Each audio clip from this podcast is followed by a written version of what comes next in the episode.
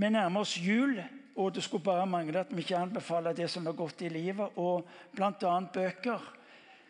En god venn av meg han, han forteller at han, han, fant fram de gamle Narnia-bøkene. Så begynte han å lese i Narnia-bøkene for ungene sine. Og så er det det der å se det på film eller og disse her som du henter fram fra video.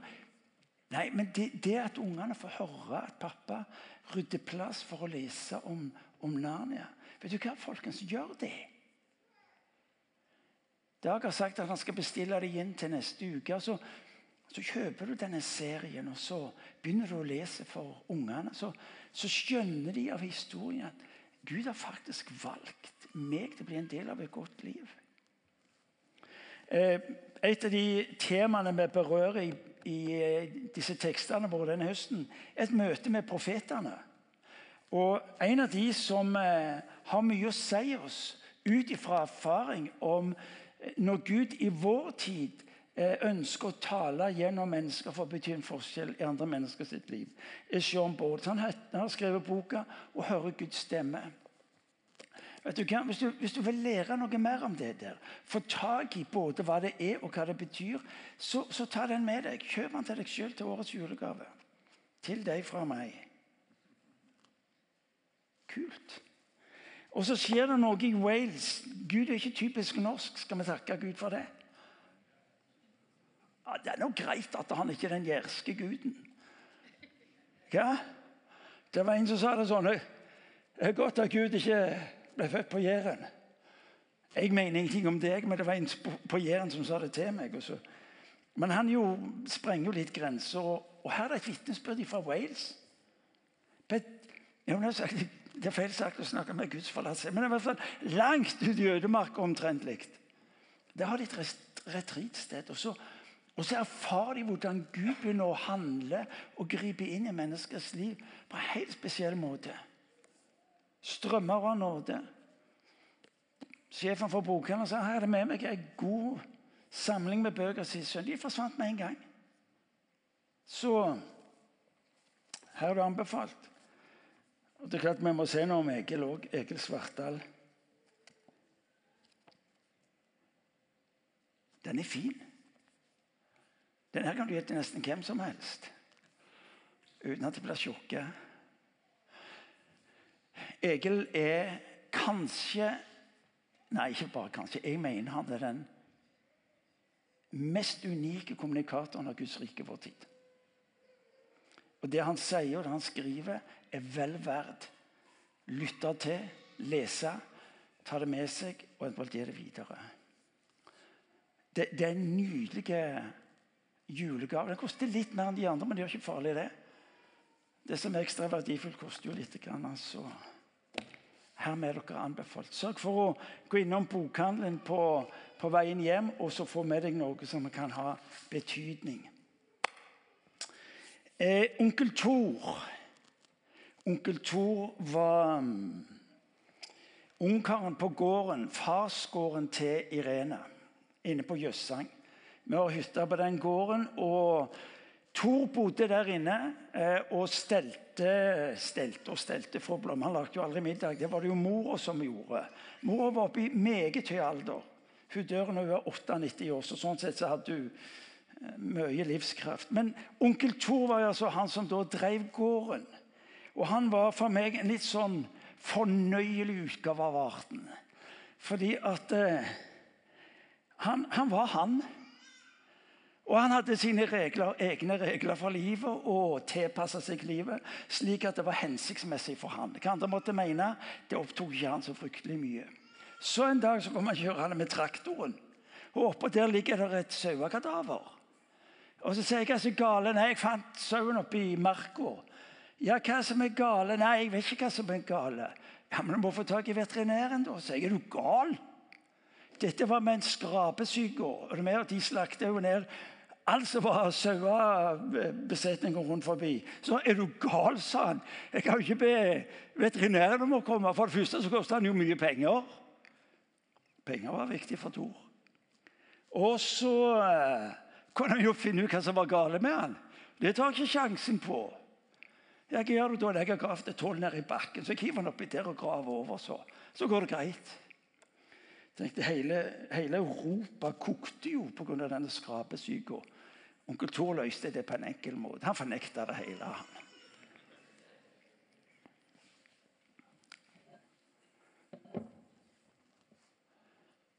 Og Så ble han sjuk.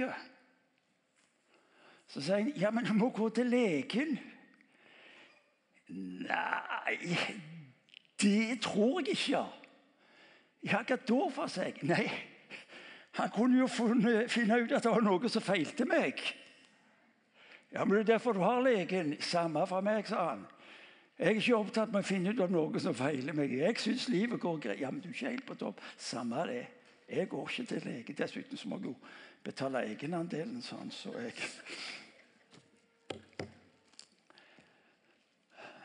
Vi trer inn i historien, i Israels folkets historie. Og Når du og jeg hører om Israels folkets historie, så er det noe langt mer enn en sånn type interessant del av historien der bak. For når Gud tar oss inn i dette folkets historie, så er det for at du og meg skal få nærhet til ikke bare historien i og for seg, men også hans nærvær blant folk, blant mennesker, og deres måte å respondere. Så når du og meg leser Bibelen, så ikke gjør det som en del gjør. De, de tenker ok, Nytestamentet det er for meg, og så er Gamletestamentet det er for jødene. Og de som er gammeltroende. Nei, nei, nei. Fordi at Når du og meg leser Bibelen som den er, så gir den oss et møte med en Gud som handler inn i historien, og som hjelper deg og meg til å få øye på oss sjøl som en del av denne verden. Vi trer inn i, en Bibel, inn i en del av Bibelens historie som er Den er av karakter litt grann sånn Onkel Thor-aktige. Det vil si at, eh, at eh, vi lever vårt liv, og så lever vi det på en slik måte at vi vil ikke høre på hva som tales inn i våre liv, eventuelt på hva som burde forandres. Så Det vi har gjort denne høsten, har altså stoppet for noen av profetene. Det er interessant at i denne første delen av Bibelen er det mye profetstoff. Profetene talte inn i folket sitt liv. Si, det var nesten som datidens leger. De stilte en diagnose. De fortalte om hva som var situasjonen, hva som var status. Eh, til forskjell fra vår tid, når legene kommer med diagnosen, så er det jo ingen som tar livet av disse legene. Men Titt og ofte så ble profetene tatt livet av. Fordi folket ville ikke høre hva som var sannheten om dem. Jesaja, som vi skal berøre litt i dag, og som Elling gjorde glimrende sist Gå inn på IMI sin hjemmeside. Klikk deg fram til talen sist og få tak i det Elling har begynt på denne undervisningen om Jesajas. Eh, det er en hel haug av eh, profeter i Gamletestamentet. Isaias regnes som den fremste. Han levde ca. 700 år før Kristus. Så har du fått plassert ham. Jesajas var ikke bare en sånn en røst fra en eller annen ødemark. Jesajas kom fra det finere laget av folket. Jesajas hadde en posisjon, han var velstående. Og ut ifra den situasjonen kommuniserer han til sitt folk. Kommuniserer med det han opplever at Gud taler inn i livet hans. Jesajas, Profeten Jesajas opplever to perioder i Israels folkets historie. Den ene er når han lever sammen med kong Heskia, som er en av disse.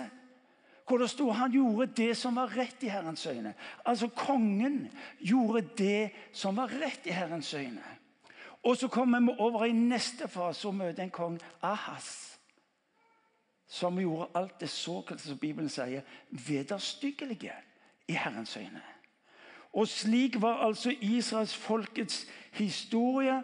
På den ene tida så gjorde de det som var rett. Det vil si, de fulgte Guds ord. De hadde et ønske om å leve rettferdig i denne verden.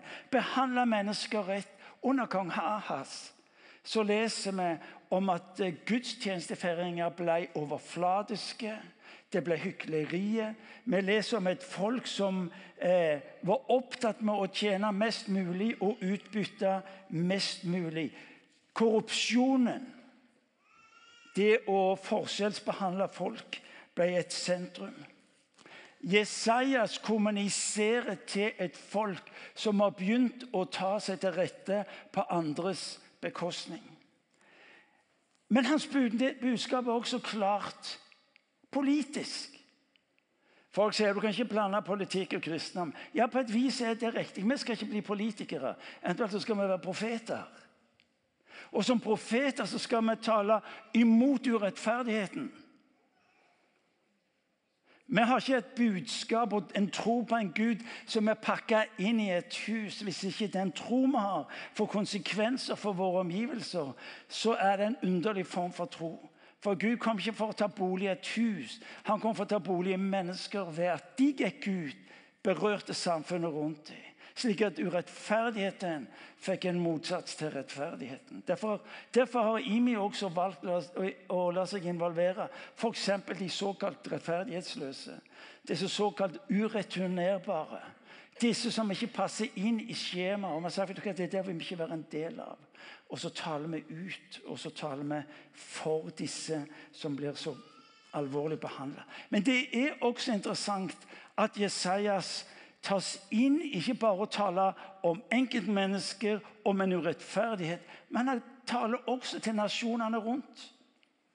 Altså Det interessante er at Jesajas blir en røst, ikke bare for sitt folk, men også for nasjonene som er rundt dem. Så Jesajas-boka bærer med seg på et vis to linjer. Den ene er linja som går på oppgjøret, som går på anklagen, ja, som går på dommen. Det er også den andre linja som går på at jeg vil folket mitt nåde. Jeg vil folket mitt fred. Jeg vil folket mitt gjenoppreisning. Og så må du få tak i helt innledningsvis For vi lever i ei tid som helst vil det var en som sa det slik Vi er kalt til å være eh, salt og lys i denne verden. Helst så vil vi være sukker. Er det med? Vi vil gjerne si det som folk syns er behagelig og greit. Vi ønsker ikke å være legene som på en måte stiller diagnosen og sier her nå, hvis du ikke gjør noe med dette, her, så, så er du ille ute litt lenger ned på veien. Leger vi ønsker å være et folk som faktisk er et profetisk folk. Både innover mot oss sjøl og utover. Vi ønsker ikke å være folk som er lettvinte og overfladiske.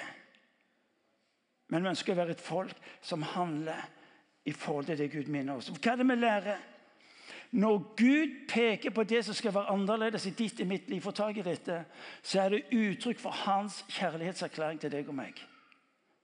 Det er altfor mange som går rundt og tror at eh, vår Herre har ett mål i livet. Det gjør livet mest mulig surt, gjør livet mest mulig negativt. Når Gud peker på det som skulle vært annerledes i ditt og mitt liv, så uttrykker det jo nettopp hans kjærlighetserklæring til deg og til meg. Dere er så dømmende. Nei, vi er ikke dømmende.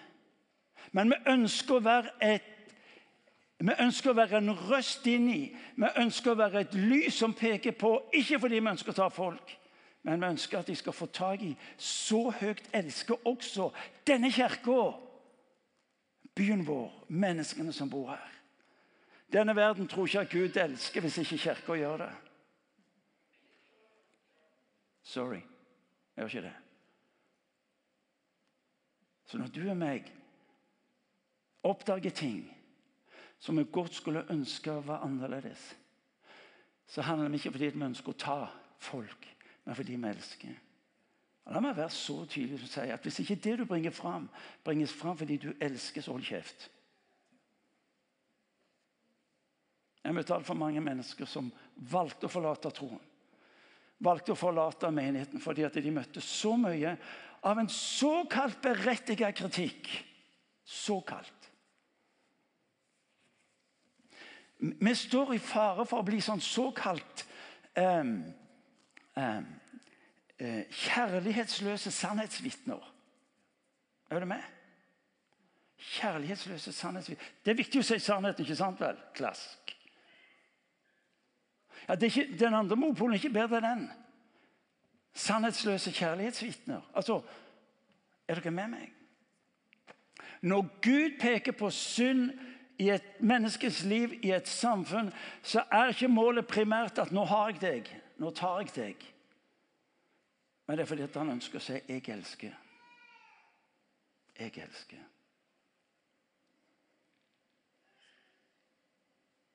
Israelsfolket hadde det mest fenomenale utgangspunkt for liv.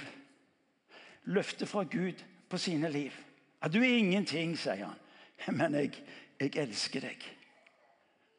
Og så knytter han sitt liv og sine løfter på dette merkelige folket.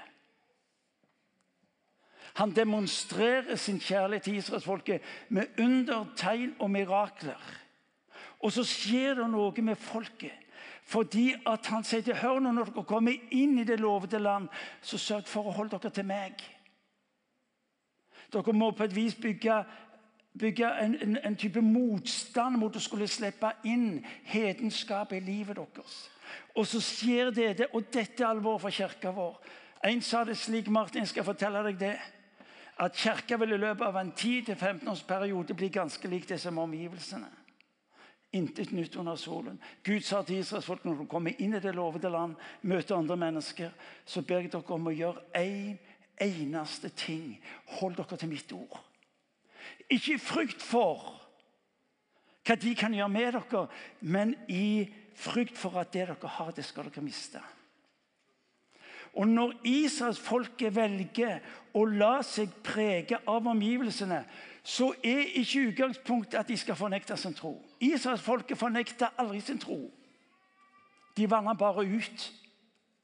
Det skjedde en type indre forvitring.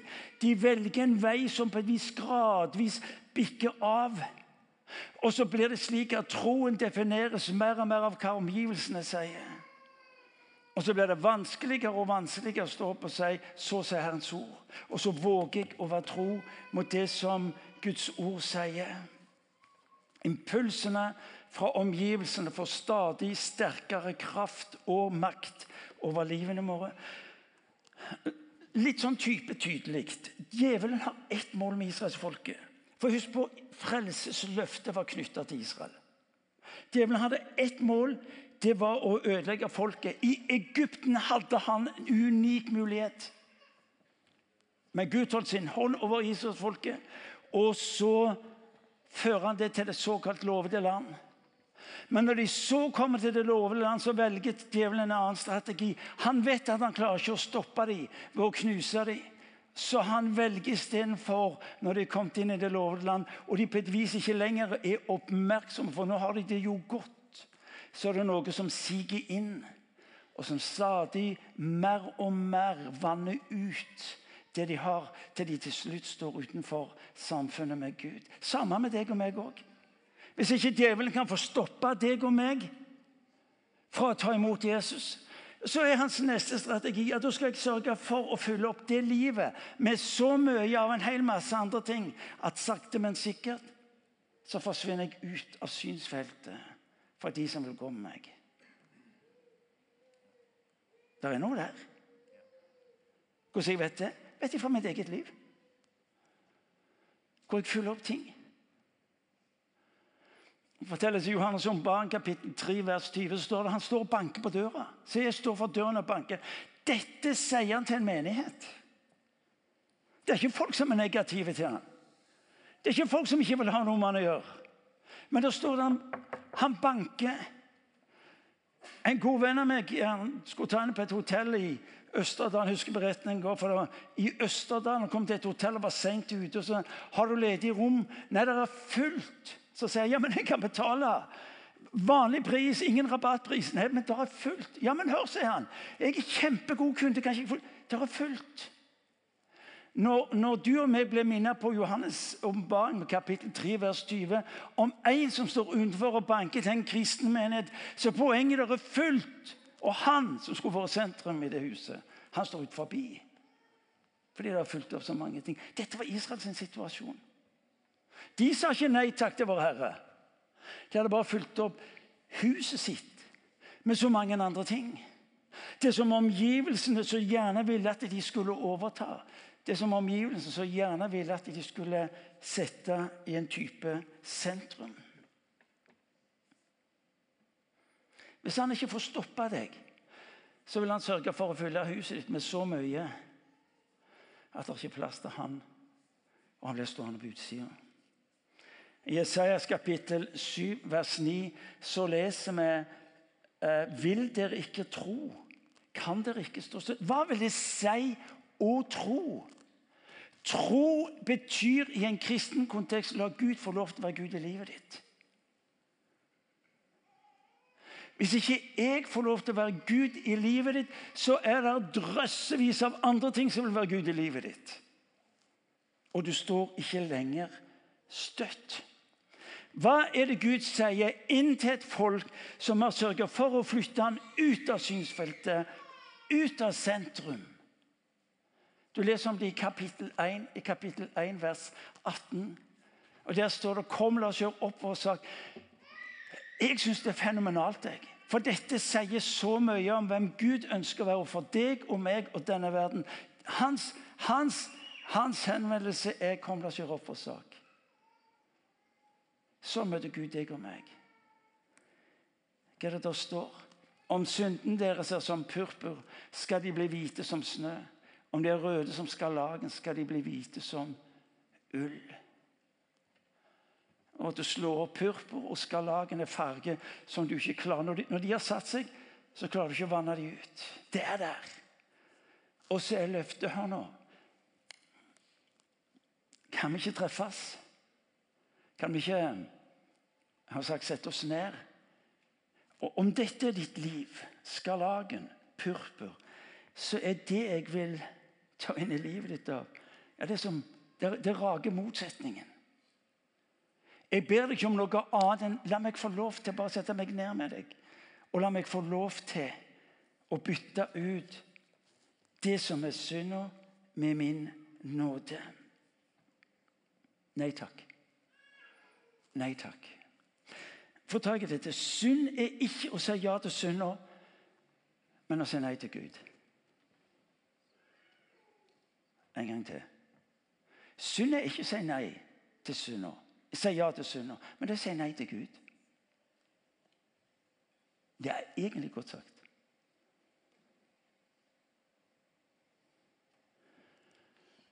Ditt og mitt ja til synd er en konsekvens av vårt nei til Han. Tenk på det i hvert fall. Når, når Israels folke får høre at konsekvensen på deres liv er ikke at Gud dømmer, men at de må ta konsekvensen av sine valg. Så vil folk si men Gud er en såkalt kjærlighetsgud, og så dømmer han mennesker til fortapelsen. Gud dømmer ikke mennesker til fortapelsen. Mennesker har sagt nei til Guds frelse. Men Det er noe helt annet. Vi må hjelpe folk til å slutte å gi Gud skylda for noe de sjøl har valgt, som en konsekvens av å si nei. Ved å si nei Guds mål er å gjenopprette det som var ødelagt, og ta mennesker inn i sin frelsesplan. Derfor kom Jesus. Guds mål er ikke en dom over menneskeheten, men det er en frelse. Han handler inn i denne verden ikke for å skulle åpenbare hva som ligger i menneskets hjerte, slik at han kan ta det. Han er opptatt med å åpenbare hva som er Guds, i menneskets hjerte, fordi at de skal forstå hvor de kan finne frelse hos han.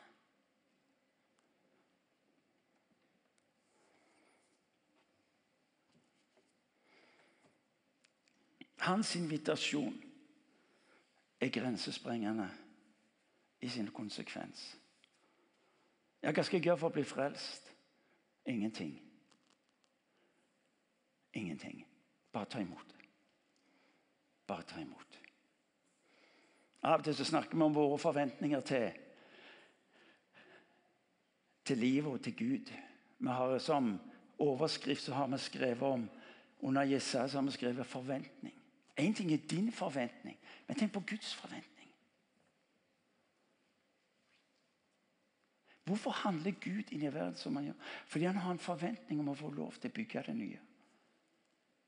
Fordi han har en forventning om å få lov til å bytte ut det som var farget av purpur og skarlagen, med det som var hvitt som snø og så ut som den hviteste ullen. Når Gud ser på ditt og mitt liv, så er det forventning til ditt og mitt liv. Hva vil det si å være en kristen? Jo, det lar Gud få lov til å være Gud i ditt og mitt liv. Og så kan du og meg begynne om de enkelte fargene som sier noe om hvem vi er. Og så sier han jeg vet om det. Derfor døde jeg. For at du skulle vite at jeg har en forventning om at det jeg har gjort, og det jeg ønsker å bety i livet ditt, skal forvandle livet ditt. Kalles for nåde. Så kallet er bot. Dette negative ord som egentlig betyr å legge av.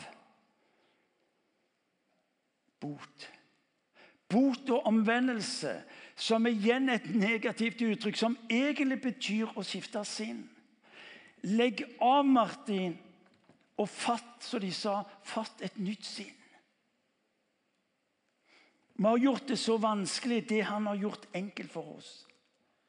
Bare legg av, Martin. Ved å bekjenne så skal jeg gi deg et nytt sinn. Så skal jeg gi deg en ny måte å tenke og handle på. Deri ligger beskyttelsen. Deri ligger tryggheten og fremtida. Guds møte med ditt frafall er invitasjon til oppgjør. Det er et faktum, hvis vi er dønn ærlige. Vi ønsker egentlig ikke konfrontasjoner på synd. Gjør vi det? Vi vil helst høre at livet og livene våre holder til en viss grad, i hvert fall en viss standard. Men hvis ikke du og meg våger den sannheten, så blir vi som onkel Thor. Som er du galen? Hvis jeg skal la meg utsette for det, så, så kan det jo være at vi finner noe galt. Jeg sier ikke at nå skal vi gå rundt og så kan vi begynne med sånn en røntgen på livene våre. Du og meg vet utmerket godt når vi lever i utakt med det Gud har for oss. Egoismen, opprøret mot Gud. Ransak meg, Gud, sier salmisten i Salme 100. Ransak, prøv meg. David har et ønske til Gud. La meg få lov til å være rett med deg. For hvis jeg lever rett med deg, så lever jeg best med meg sjøl. Så våger jeg å være ærlig mot meg sjøl. Salmisten vet at det ligger frihet og helbredelse når Den hellige ånd får lov til å vise og overbevise meg om det som skulle vært annerledes i livet mitt.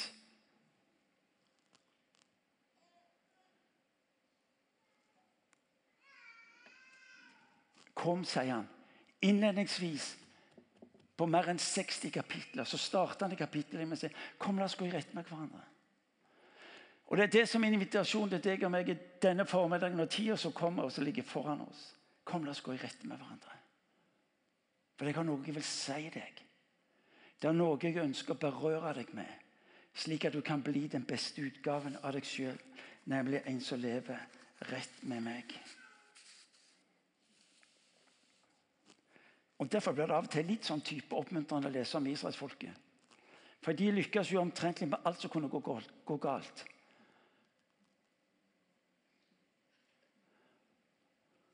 De lykkes med nesten alt som kunne gå galt. De valgte feil veier, feil guder, feil allianser. De valgte og legg merke til hva jeg sier de valgte. Det er ikke slik at du faller i synd. Noen sier at jeg falt i så langt ifra. Ingen av oss faller i synd. Vi velger synd. Vi velger det som, skulle, som jeg vet er feil. Ja, jeg falt i synd, ergo så var det ikke mitt ansvar.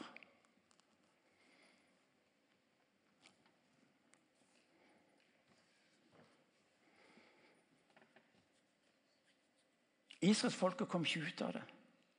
Ved, sin, ved, sine valg var de nå i ei klemme hvor det bare var et spørsmål om når de ville bli ødelagt. Gå under. Bli utsletta. Og inn i det lyder Guds ord. Kom, sier han. La oss gå i rette med hverandre. Ja, men Det er akkurat det samme for deg og meg òg. Din historie, valg som du og meg har gjort, som du vet var feil, og som innhenter deg hele tida. Måten du driver butikk på. Unnaluringen. Svart arbeid. Møtte en god venn av meg som sa han, jeg, jeg, jeg nærmer meg mer og mer til vanskelige punktet i livet mitt. For vi driver på med kontraktsinngåelse. Og jeg vet at det vi nå tilbyr, ikke går. Og jeg vet at dette er ikke riktig fordi vi lurer en fremtidig arbeidsgiver. Orker det ikke. Program som går på TV, som låser deg mer og mer i det usunne, som du vet ikke er godt. Kom, la oss gjøre opp. Kom, la oss gjøre opp. Midt inni det vanskelige, midt inni det håpløse, så lyder plutselig salmen ja, Det er en takkesalme i kapittel 12 i Esaias. Les, les hva som står. La oss lese det. Dette er et folk som er et speilbilde av det jeg nå har berørt litt. Og inn i den settingen lyder det ifra profeten til folket. Dette sier han til folket. Hør nå, den dagen skal du si La oss lese det sammen. Jeg takker deg, Herre. Du må åpne munnen din hvis du skal få sagt ja. Jeg takker deg, Herre, for du var harm på meg. Men harmen snudde, og du trøstet meg. Se, Gud er min frelse. Jeg er trygg og frykter ikke. For Herren er min styrke og min sang, og Han er blitt min frelse. Med glede skal dere øse av frelsens kilder. Den dagen skal dere si:" Lovpris Herren, påkall Hans navn. Gjør Hans gjerninger kjent blant folkene. Forkynn Hans navn er opphøyd. Syng for Herren, for Han har gjort storverk. Gjør dette kjent over hele jorden. Rop høyt i jubel, dere som bor på Sion. For Israels hellige er stor. Han er midt iblant dere. Han lar israelsfolket få lov til å begynne på en bekjennelse som tar dem ut av det fastlåste, for at de skal bli en del av, bli en del av den frelse han har for dem. Vi må slutte, i hvert fall med disse tankene. Jeg vil du skal få tak i at når Gud taler inn i Israels folk og minner dem om det som skulle vært annerledes, så er det fordi han har en forventning om å se det nye livet eh, eh renne fram. Ikke at folket nå tar seg sammen, men at de våger å slippe Gud til i sitt liv. Siste tekst må dere få med. Den er henta fra den såkalte Immanuel-tegnet. Det er Profeten går til kongen og så sier han, be til Gud. Be han om hjelp. Og så sier eh, kong Ahaz nei, jeg vil ikke. Det er mennesker rundt oss som ikke våger å be til Gud fordi av en eller annen grunn er låst på at det gjør du bare ikke. Du og meg som hører til i dette huset, og som skal få lov til å være et profetisk folk, skal få lov til å være denne her oppmuntringen til våre omgivelser. Denne forventningen positivt. Vet du hva? Det livet du berører. Og så skal du få lov til å bekjenne. Immanuel betyr Gud med oss.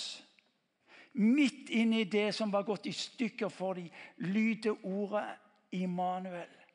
Og så leser vi sammen. La oss lese høyt sammen. For et barn er oss født, en sønn er oss gitt. Herreveldet er lagt på hans skulder. Han har fått navnet Underfull rådgiver, veldig Gud, evig far, fredsfyrste. Så skal herreveldet være stort og freden uten ende over Davids trone og hans kongerike.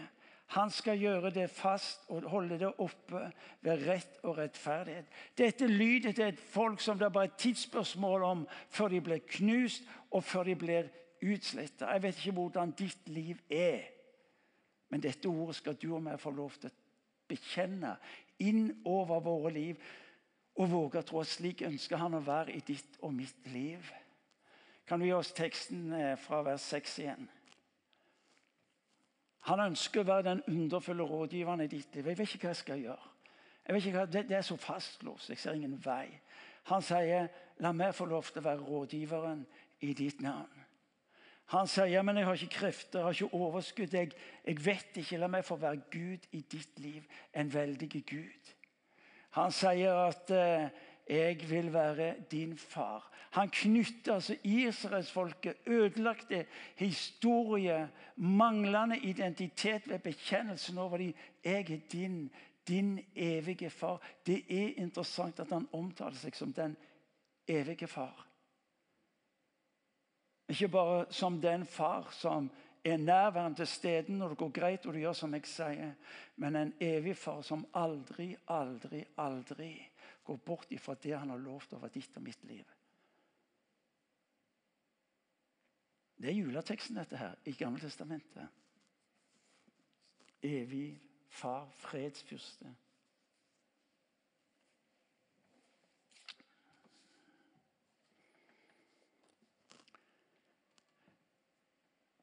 Gud har ved profeten et oppgjør med sitt folk som har valgt seg bort fra Guds nærvær, nåde og innflytelse.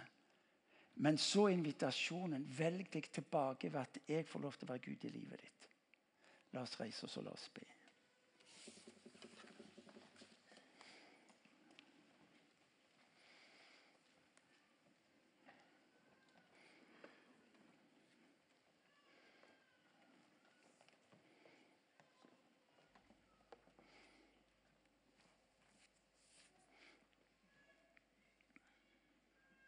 Når Gud peker på synd i ditt liv, når Gud peker på det som skulle vært annerledes i ditt liv, når Gud peker på allianser du har inngått, enten med mennesker du lever i uakseptable forhold, du lever uærlig på jobben, eller hva det måtte være Når han peker på dette i ditt liv, minner deg om dette i ditt liv, så er det uttrykk for hans kjærlighetserklæring over ditt liv. Hvorfor i all verden skulle allmaktens Gud bry seg om deg og meg? Kom an. Hvis det ikke var fordi han elska.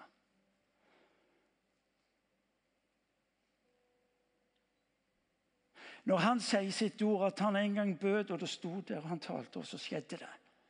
Når vi våger å se ut og tenke på universet i sin absolutt ubegripelige storhet så leser du om en som bøyer seg ned, helt ned til der du og meg er, for å erklære sin kjærlighet. I profeten Hosea står det i kapittel 9 hvordan kan jeg glemme deg? Hosea som var en samtidig med profeten Jesaja. Hvordan kan jeg glemme deg? Hvordan kan jeg gi, gi, gi deg opp? Mitt hjerte, står der, velter seg i meg av smerte fordi du har sagt nei til meg. Hvorfor Jesus? Jo, Han kom for at du skal få øye på hvor høyt Gud elsker. Så når han peker, avdekker, minner på, så kan du fornekte det, gjemme det, trekke deg unna. Eller du kan våge å tro han elsker så høyt at jeg skal slippe, skal slippe å bære på det lenger. Kjære Herre Jesus Kristus, takk fordi du er mellom oss som den som elsker. Elsker så høyt at du ikke kan la oss bli værende i det som har låst oss, til det umulige, til det som er synd, til det som eh, forhindrer oss i å komme videre i livet. Far, jeg takker deg fordi du er mellom oss som den som elsker på en slik en At du har gitt oss av Ånden, slik at vi kontinuerlig skal bli minnet på hva hvor høyt du elsker Jesus når du dør på korset, og hva plass vi har i Faderens hjerte. Jeg ber ikke Herre, for oss som er her inne. Hjelp oss til å slutte med hjemmelegen. Hjelp oss, far, til å være ærlige. Hjelp oss, far, til å være mennesker som våger ditt ansikt. Fordi du inviterte. Fordi du har løsningen. Fordi du har ditt nærvær som går med oss slik at vandringen kan få lov til å bli din vandring. Du sier at dersom vi ikke tror, la du, la du få lov til å være Gud, så står vi ikke stødig. Vi ber om å få lov til å være et stødig folk. Og så ber jeg for om at vi som er i dette hus, når vi går ut i hverdagen, møter mennesker Herre, la de ved våre liv forstå at du er en Gud som elsker. så inderlig. Så inderlig at de våger Gud å tro at når du får lov til å være Gud i deres liv, blir de det de var skapt til. Herre, vi ber om det i ditt navn.